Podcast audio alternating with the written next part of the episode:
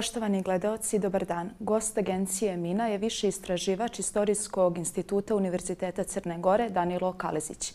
Sa njim ćemo razgovarati o aktuelnoj političkoj situaciji. Gospodine Kaleziću, hvala što ste izdvojili vrijeme za ovaj intervju i dobrodošli u agenciju Mina. Hvala vam na pozivu. E, počet ćemo od aktuelnih pitanja. Prošlo je deset dana od sjednice Skupštine na kojoj je izglasano nepovjerenje vladi gospodina Dritana Abazovića. Kako vi vidite rasplet političke situacije koja je nastala izglasavanjem nepovjerenja njegovoj vladi i šta je prema vašem mišljenju najbolje rješenje za Crnu Goru? Pa da, kao što ste rekli, većina koja je izglasala, odnosno podržala manjinsku vladu Dritana Abazovića odavno više ne postoji i to je ono što je formalizovano glasanjem o nepovjerenju. E, prošle, prošle sedmice. Ono što sad slijedi je jedan, rekao bih, period e, pregovaranja, odnosno pokušaja političke elite da nađe izlaz iz ove situacije. Sve što se dešava u zadnjih nekoliko dana upućuje na e, težnju ovih aktera, odnosno subjekata koji su glasali na povjerenje vladi da formiraju nešto što bi imalo obrise tehničke, odnosno prelazne vlade i možda asociralo na onu vladu izbornog povjerenja koju smo imali u oči Eh, izbora 2016. godine, ako se ne varam. Dakle, ja očekujem da eh, politička elita, odnosno subjekti koji su izglasali na povjerenje vladi, pokažu minimum političke zrelosti i opredeljenosti evropskim integracijama, suštinsko, suštinsku opredeljenost evropskim integracijama i da što prije formiraju vladu. Prosto država ne može da funkcioniše u ovom stanju.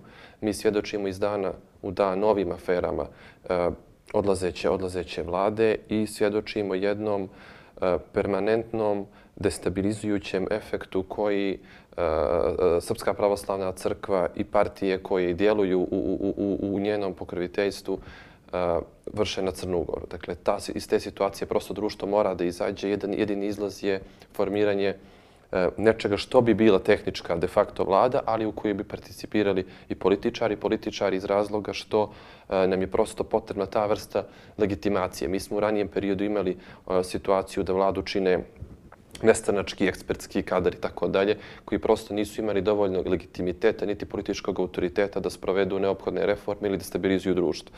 Dakle, nakon na bazi dva neuspješna eksperimenta, ovaj, ovaj treći pokušaj zaista mora da rezultira formiranjem vlade koji će imati veću podršku u parlamentu, a u kojoj će sjediti ljudi koji imaju politički autoritet i politički legitimitet.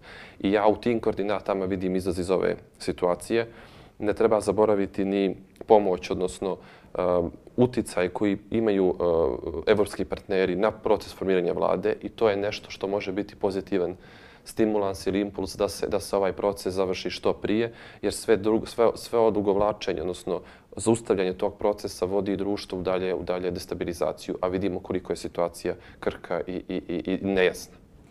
Da li to znači da vi vjerujete da je moguć dogovor partija koje su glasile za nepovjerenje vladi Abazovića, imajući u vidu stav e, demokrata koji je više puta saopšten da oni neće ulaziti u bilo kakve aranžmane sa demokratskom partijom socijalista? Pa, u, u, u, istorija političkih procesa u Crnoj Gori nas uči da je sve moguće. I ja ne bih uh, polazio te pretpostavke da jednom izrečena stvar, pogotovo u politici, ostaje takva zauvijek referiram na stav demokrata. E, demokrate su partija koja se nalaze u vrlo nezavidnom položaju jer su u, u, u prethodnom periodu bili van e, sistema izvršne vlasti, iako su oni ti koji su doprinijeli pobjedi 20 i oni su ti koji su zapravo uh, okupili značajan dio biračkog tijela koji nije toliko ekstreman. Dakle, oni u svojim strukturama ipak imaju manje ekstreman dio biračkog tijela, odnosno recimo demokratski front. I oni su partija koja u nekim ranijim periodima pokazala sposobnost da artikuliše evropsku agendu. Dakle, iz svega toga ja procjenjujem da je moguć eh, ne možda direktno koaliranje sa, sa demokratskom partijom socijalista, ali neka vrsta uh, E, meke koalicije u kojoj bi možda u, u vladi bili um, ljudi delegirani ispred EPS-a koji nisu nužno partijski angažovani.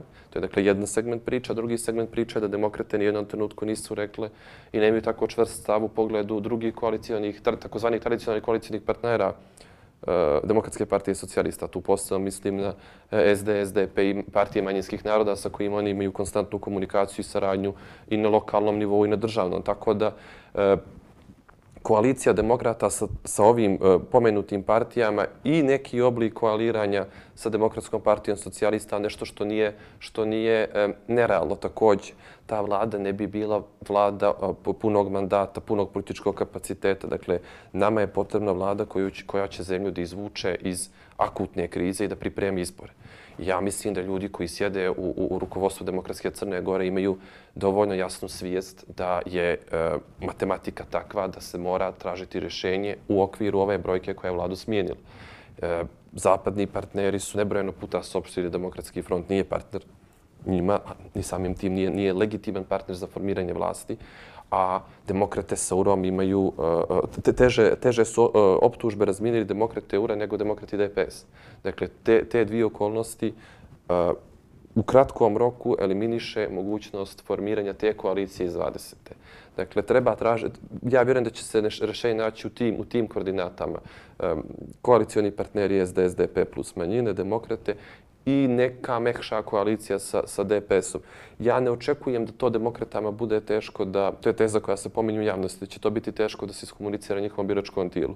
To ne očekujem iz razloga što vjerujem da njihovi birači shvataju nužnost uh, formiranja vlade, odnosno uh, posljedice koje ovaj ovaj, sadaš, ovaj sadašnji trenutak može dostavi na javne, na javne financije, na javne politike i tako dalje. Ja ću vas podsjetiti samo na, na, na početak mandata e, Krivokapićeve vlade kad nije bio svem budžet. Dakle, građani su vrlo jasno mogli da vide šta znači kad ne, kad ne postoji funkcionalna izvršna vlast. I mislim da je taj slučaj i sad, da birači pak neće kazniti Demokratsku Crnu Goru ako oni naprave korak ka stabilizovanju, e, stabilizovanju e, državne javne politike kroz Eh, kreiranje vlade koju će dominantno podržati partije koje su izasajne povjerenje prethodnoj. I druga, ne manje bitna stvar je njihovo međunarodno pozicioniranje. Dakle, Demokratska Crna Gora je mm, u jednom trenutku, u jednom periodu eh, zaoštrila odnose sa međunarodnim partnerima do, eh, do pucanja. Dakle, ti odnosi skoro da nisu postojali. I ovo je jedna prilika, politički vrlo rijetka, u, u trajanju jedne političke partije da Demokratska Crna Gora pokaže da je zaista opredeljena zapadnim, zapadnim vrijednostima, odnosno ispunjavanje evropske agende. I to njih može da profiliše kao partiju na koju će uh, međunarodni partneri da računaju u budućnosti. To je okolnost koju je recimo Abazović izgubio potpisivanjem temeljnog ugovora i e, otvoren, otvorenim pozivima DF-u za koaliciju. I na bazi tog e, iskustva mislim da Demokratska Crna Gora neće napraviti grešku, odnosno neće propustiti istorijsku priliku i za njih i za društvo i, i odbiti, odbiti formiranje vlade. Scenario koji, ko, koji mene najviše plaši je scenario uh, izbora koje bi pripremila Abazovićeva vlada.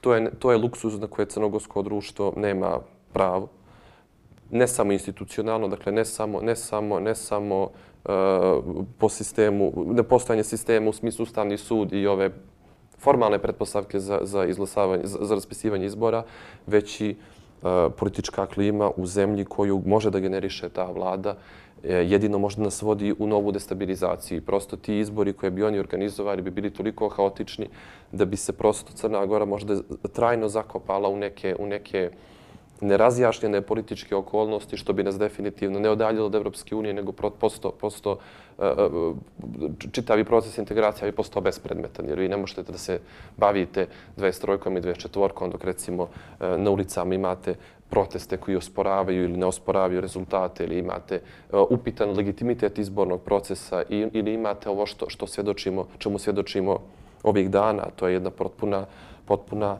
eh, eh, potpuno rastakanje Crne Gore, pa vi vidite i u Boki i, na sjeveru Crne Gore su te tenzije toliko narasle da, da, da sve ovo podsjeća na neki pa rekao bih, rekao bih predkonfliktni, predkonfliktni ambijent i, i, i opstanak Abazovićeve vlade bi zapravo tome samo doprinio, ne bi nikako, ne bi nikako eh, stabilizovao. Isključili ste mogućnost dogovora stare parlamentarne većine, ako sam vas dobro shvatila.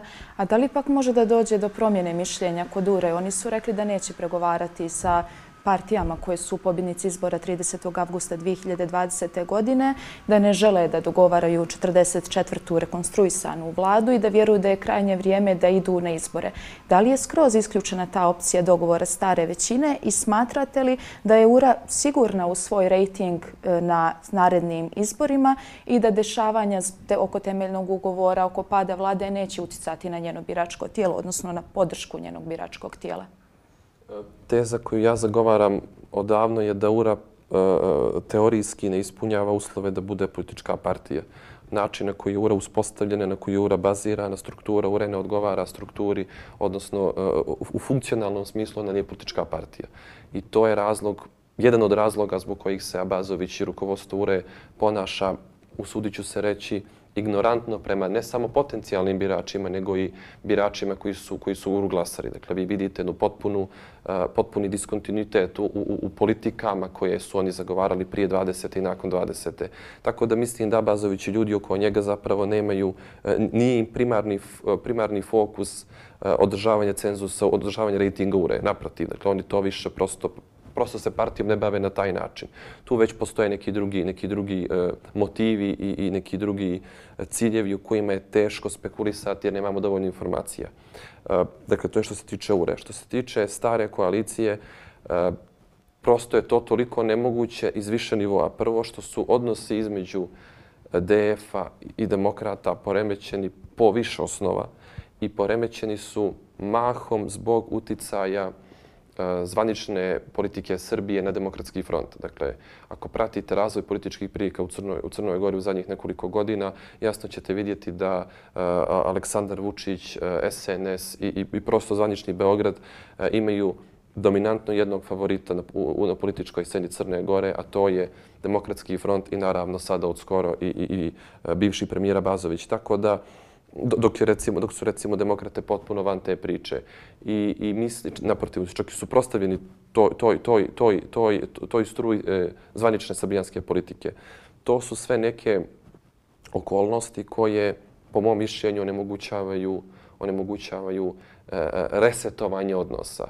Kad god e, su Abazović i Demokratski front pokušali da resetuju te odnose, to je uvijek bilo na štetu demokrata i mislim da demokrate prosto više nemaju ni oni luksus da ulaze, da ulaze u, te, u te kombinatorike, jer to može da ih vodi u trajno, trajno gubi, trajni gubitak kredibiliteta biračkog tijela, a možda čak i u cijepanje, cijepanje partije. Tako da iz svih tih razloga bih isključio uh, vraćanje stvari na, na, na početak, a onda, uh, za razliku od 20. danas uh, je uloga crkva Srbije dosta drugačija. Dakle, vi ćete se sjetiti da je 20. E, pokojni mitropolitan Filohije e, imao puno više političkog uticaja na sve činioce e, partija koalicije koje su pobjedile na izborima, nego što to ima mitropolit Joanike. Dakle, ta, ta okolnost mijenja tok odnosa među, ti, među ta tri, ta tri politička subjekta pored njih tu treba i imati na umu ove manje političke igrače, odnosno manje partije koje također imaju neke svoje partikularne interese koji bi vrlo teško mogli da pronađu, pronađu prostor u, unutar, unutar, unutar e, tog bloka. I finalno, e, Demokratska Crna Gora se pokušava profilisati kao partija koja njeguje e, odnose sa manjinskim partijama. Dakle, manjinske partije neće učestovati u nikakvoj E, kombinaciji političkoj sa, sa e, demokratskim frontom i na bazi svega toga zaključujem, ja isključujem prosto koaliciju, koaliciju sa e, vraćanje situacije na staro. E, da li prema vašem mišljenju ima mjesta ocjenama da je e, pad vlade Abazovića značilo guranje države Crne Gore u nestabilnost? Sa druge strane, e, postoje brojne optužbe da su izglasavanjem nepovjerenja, znači u trenutku nadolazeće krize ekonomske, da to nije bilo skroz politički odgovorno. Kako to vidite? Ja sam duboko, duboko sam s tim nisam saglasan. E, naprotiv, e, izglasavanje nepovjerenja njegovoj vladi je izraz političke zrelosti i političke odgovornosti. Dakle, vratit ću vas na period e, pretfor, neposredno pretformiranje ove manjinske vlade. Dakle, ona je formirana samo sa jednim ciljem, a to je da ispuni evropsku agendu. I bavila se svim osim tim.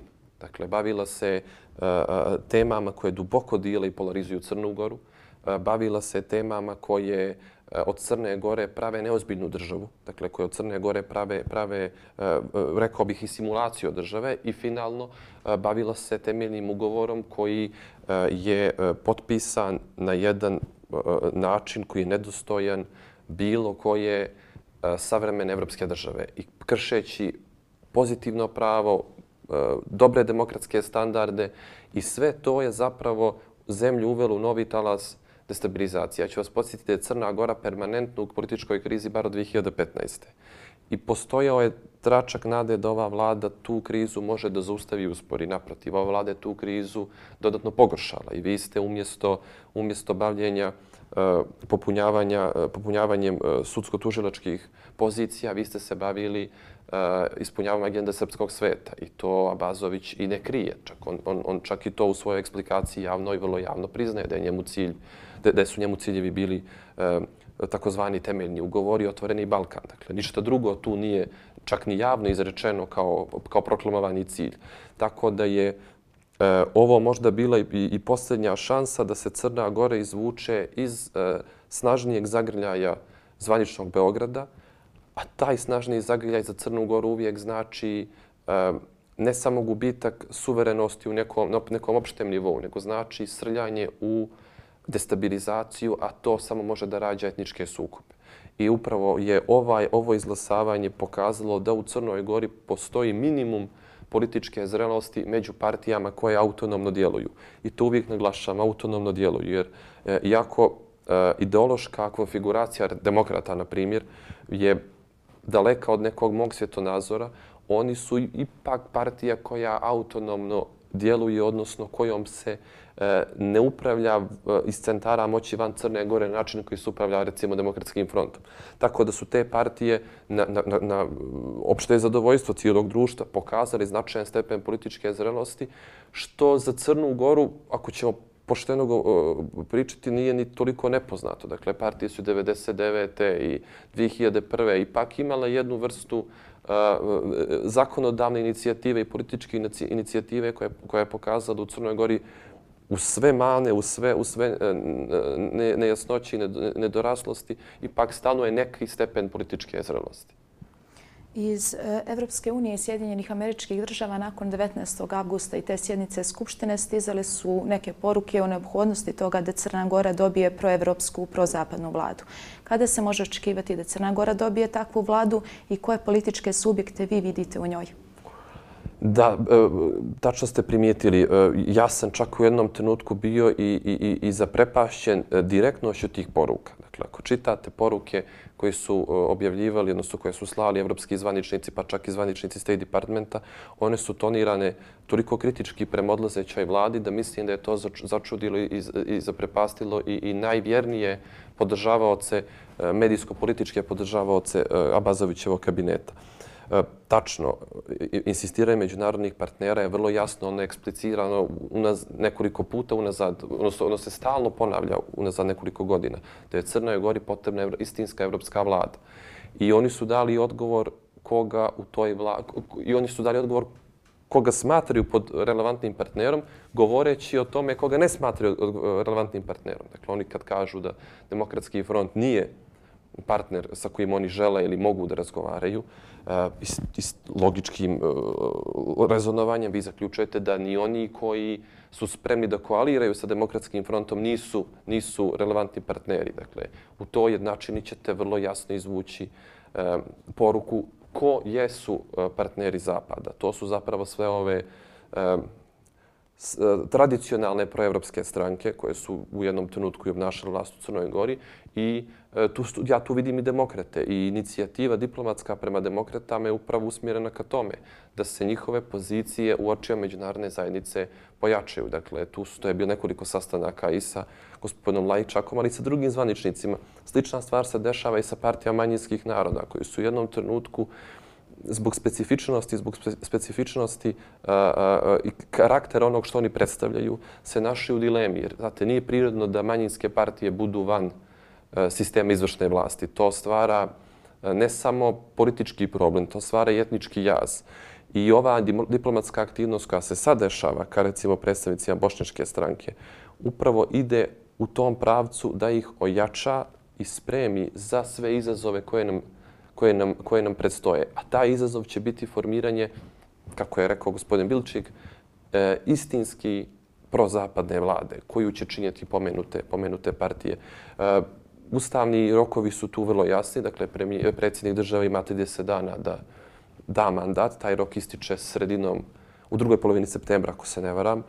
Ja očekujem da bi taj postupak mogao da se završi pa ta u toku, u, u toku septembra. Svako drugo odlaganje, posebno ako uzmemo obzir da nam slijede lokalni izbori 23. oktobra, svako drugo vlada, odla, svaki drugi scenarij može da ima kobne, kobne posljedice po, po čitavu državu. E, za petak je zakazana sjednica Skupštine. Na dnevnom redu je inicijativa za smjenu predsjednice parlamenta Daniela Đurović. Očekujete li da će ona biti smijenjena? Pa tu inicijativu koju je uputio Demokratski front treba tumačiti u širem kontekstu. Ja, moja interpretacija te inicijative, jer oni su pokrenuli inicijativu za e, izglasavanje povjerenja vladi, zajedno sa inicijativom za glasanje, odnosno smjenu gospođe Đurović, u trenutku kad je u skupštinskoj proceduri već bila jedna inicijativa za nepovjerenje vlade. U tom trenutku se to tumačilo kao kupovina vremena za Bazovićev kabinet, e, obzirom da taj taj političk, ta politička gimnastika, institucionalna gimnastika nije urodila plodom. Ja ne bih se začudio da oni povuku, povuku uh, tu inicijativu za, za uh, smjenu gospođe Đurović. Ako se to, ako se ipak desi da oni to ne povuku, dakle ako se bude glasalo o smjeni gospođe Đurović, ja vjerujem da će ona biti smijenjena.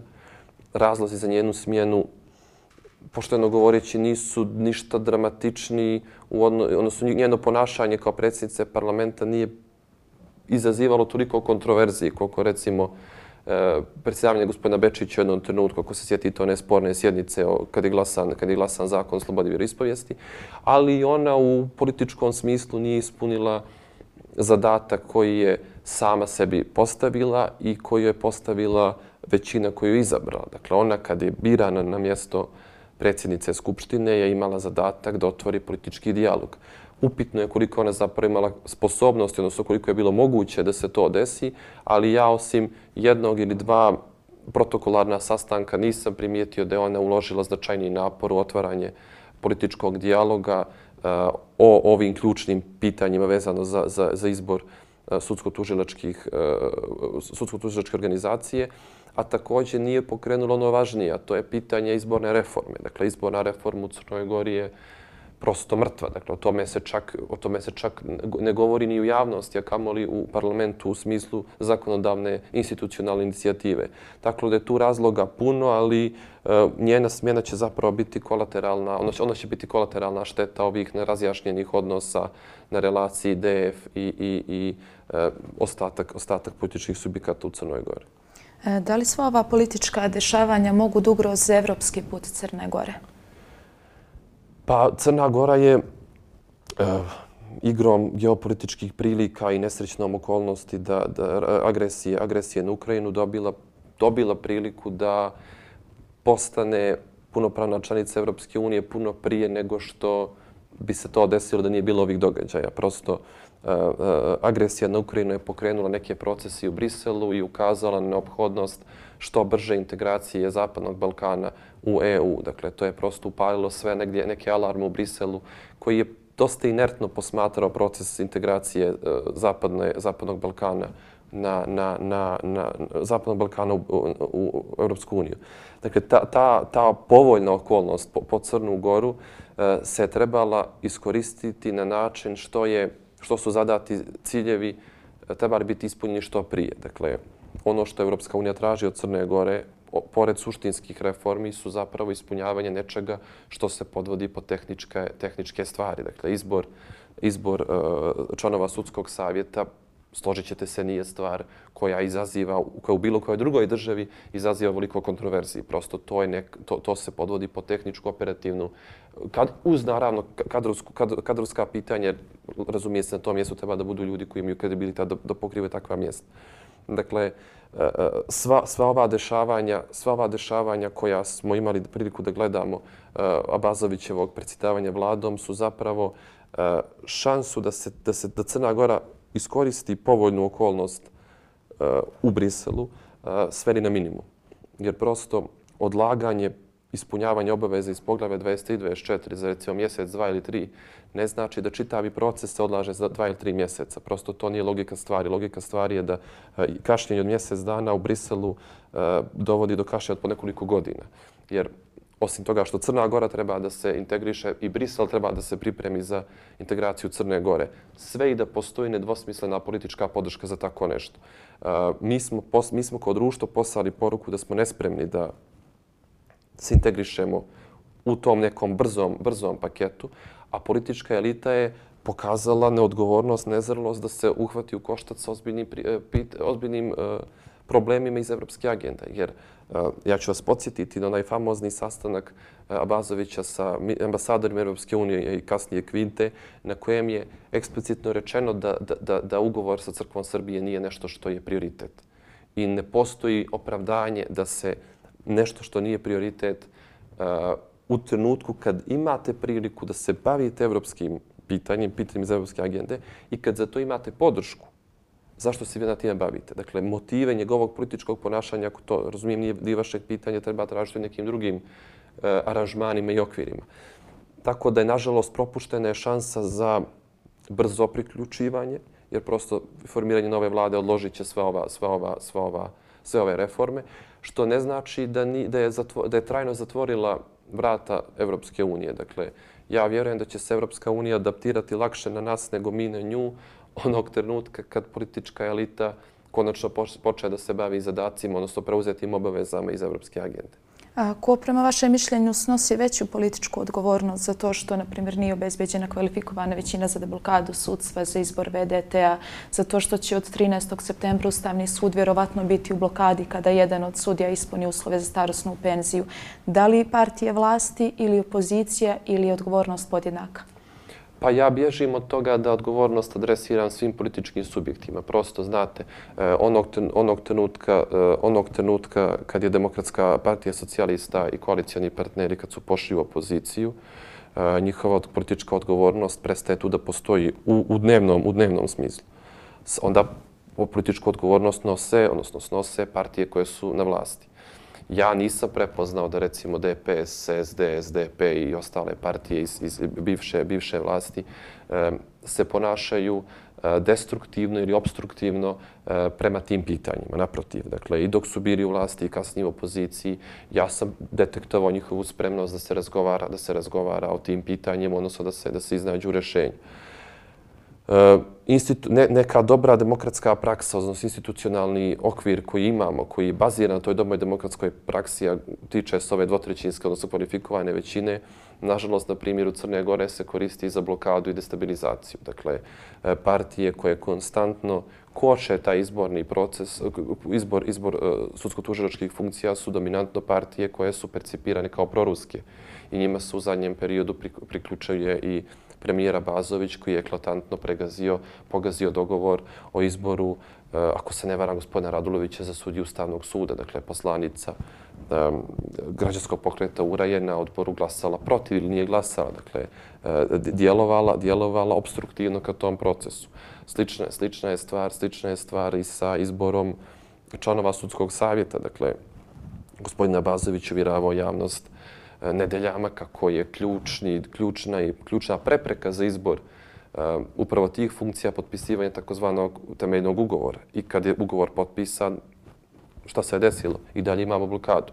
Tako da, da odgovornost jednosmisleno leži na um, uh, odlazećem, odnosno kabinetu, tehničkom mandatu i politička na, na Bazoviću i, i, i demokratskom frontu. Demokratski front kontinuirano zloupotrebljava tu okolnost potrebe kvalifikovane većine kako bi ostvarivao neke druge političke ciljeve, što je, razumijemo se, legitimna pozicija, ali nije legitimna pozicija kad vi to radite 5, 6, 7 godina i kad su vam, e, kad su vam politički ciljevi toliko destruktivni da prijete stabilnosti države. Dakle, u tom trenutku to ne postaje konstruktivno, legitimno političko djelovanje, nego prosto postaje rušilačko. I nažalost, nažalost imamo situaciju da se Abazović počeo ponašati, odnosno ponašao na e, identičan način. Dakle, ta, ta vrsta koordinisanosti između Abazovića i Demokratskog fronta može samo da upućuje na element e, inostranosti, odnosno da e, suštinski odnose ta dva politička tabora, politička subjekta definiše, definiše Aleksandar Vučić. Aleksandar Vučić u zvaničnom Beogradu prosto ne da nije interes da Crna Gora ispuni 23-24, nego im interes da Crna Gora nikad ne uđe u Europsku uniju. E, posljednje pitanje u vezi sa usvojenim izmjenama zakona o teritorijalnoj organizaciji Crne Gore. Kako vidite formiranje opštine Zeta, Centar za demokratsku tranziciju je već preda Ustavnom sudu inicijativu za ocjenu ustavnosti tih izmjena, jer oni to vide kao prekrajanje izborne jedinice Podgorice. Ima li tu riječi o kršenju međunarodnih izbornih standarda? Pa nije, nije najsrećnija okolnost da se takva politička pravna e, zavrzlama razrešava u godini izbora. Dakle, neki međunarodni standardi govore da se izborno zakonodavstvo pa samim tim i, izbo, i teritorijalna organizacija, odnosno izborni okruzi, ne trebaju mijenjati u godini izbora. Crna Gora je pred, odnosno Crna Gora je već trebala da organizuje lokalne izbore. E, svu tu priču oko opštine Zeta e, treba staviti u kontekst nezrelosti, odnosno nesposobnosti političkih elita da riješe neke druge, neke, neke druge probleme.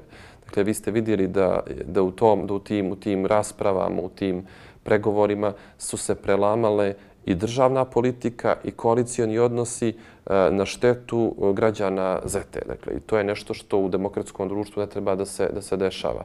E, kao što, slično, slično kao sa inicijativom ka Ustavnom sudu, na temu odlaganja izbora. E, dakle, CDT je podnio obje inicijative. Ova prva je e, pozitivno, iz perspektive ustavnog prava, pozitivno riješena, ali nismo dobili, e, nismo dobili objašnjenje kako da se izađe iz te situacije. Dakle, to suštinski je značilo da je Ustavni sud dao jedno nedefinisano, nedefinisano odredbu, odnosno jedno rešenje koje nije sprovodivo. Ja očekujem sličnu situaciju i sa ovom socijalnom ustavnosti zakona o teritorijalnoj organizaciji. Da će Ustavni sud da se oglasi tek kad se sve završi i onda prosto neće, sama odluka postaje, postaje bez, bespredmetna. I tu treba tražiti odgovornost e, i političke elite, institucija, dakle Ustavni sud, a to je boljka crnogorskog političkog sistema od, kad, od, od referenduma 2006. se uvijek oglašava, odnosno uvijek e, se uključuje u procese ili kad je to kasno ili kad to postupno postaje bespredmetno. I sjaset je tih, sjaset je tih, eh, eh, tih primjera što nas samo dovodi do zaključka da ukoliko ne, ne, ne, ne, kao društvo ne postignemo konsenzus o neophodnosti jačanja institucija, kao što je Ustavni sud, onda sve ove tehničke, reformske stvari koje mi obavljamo i koje se, koje se obavljaju e, na, samo na papiru postaju, postaju bespredmetne. I Crna Gora će zauvijek ostati u tom nekom e, u nekoj poluzavršenoj tranziciji, odnosno polukonsolidovanoj demokratiji, dok god političke elite ne prelome da zapravo žele da jače institucije kako bi država počela normalno da funkcioniše. Gospodine Kalizić, još jednom hvala na razgovoru. Hvala vam.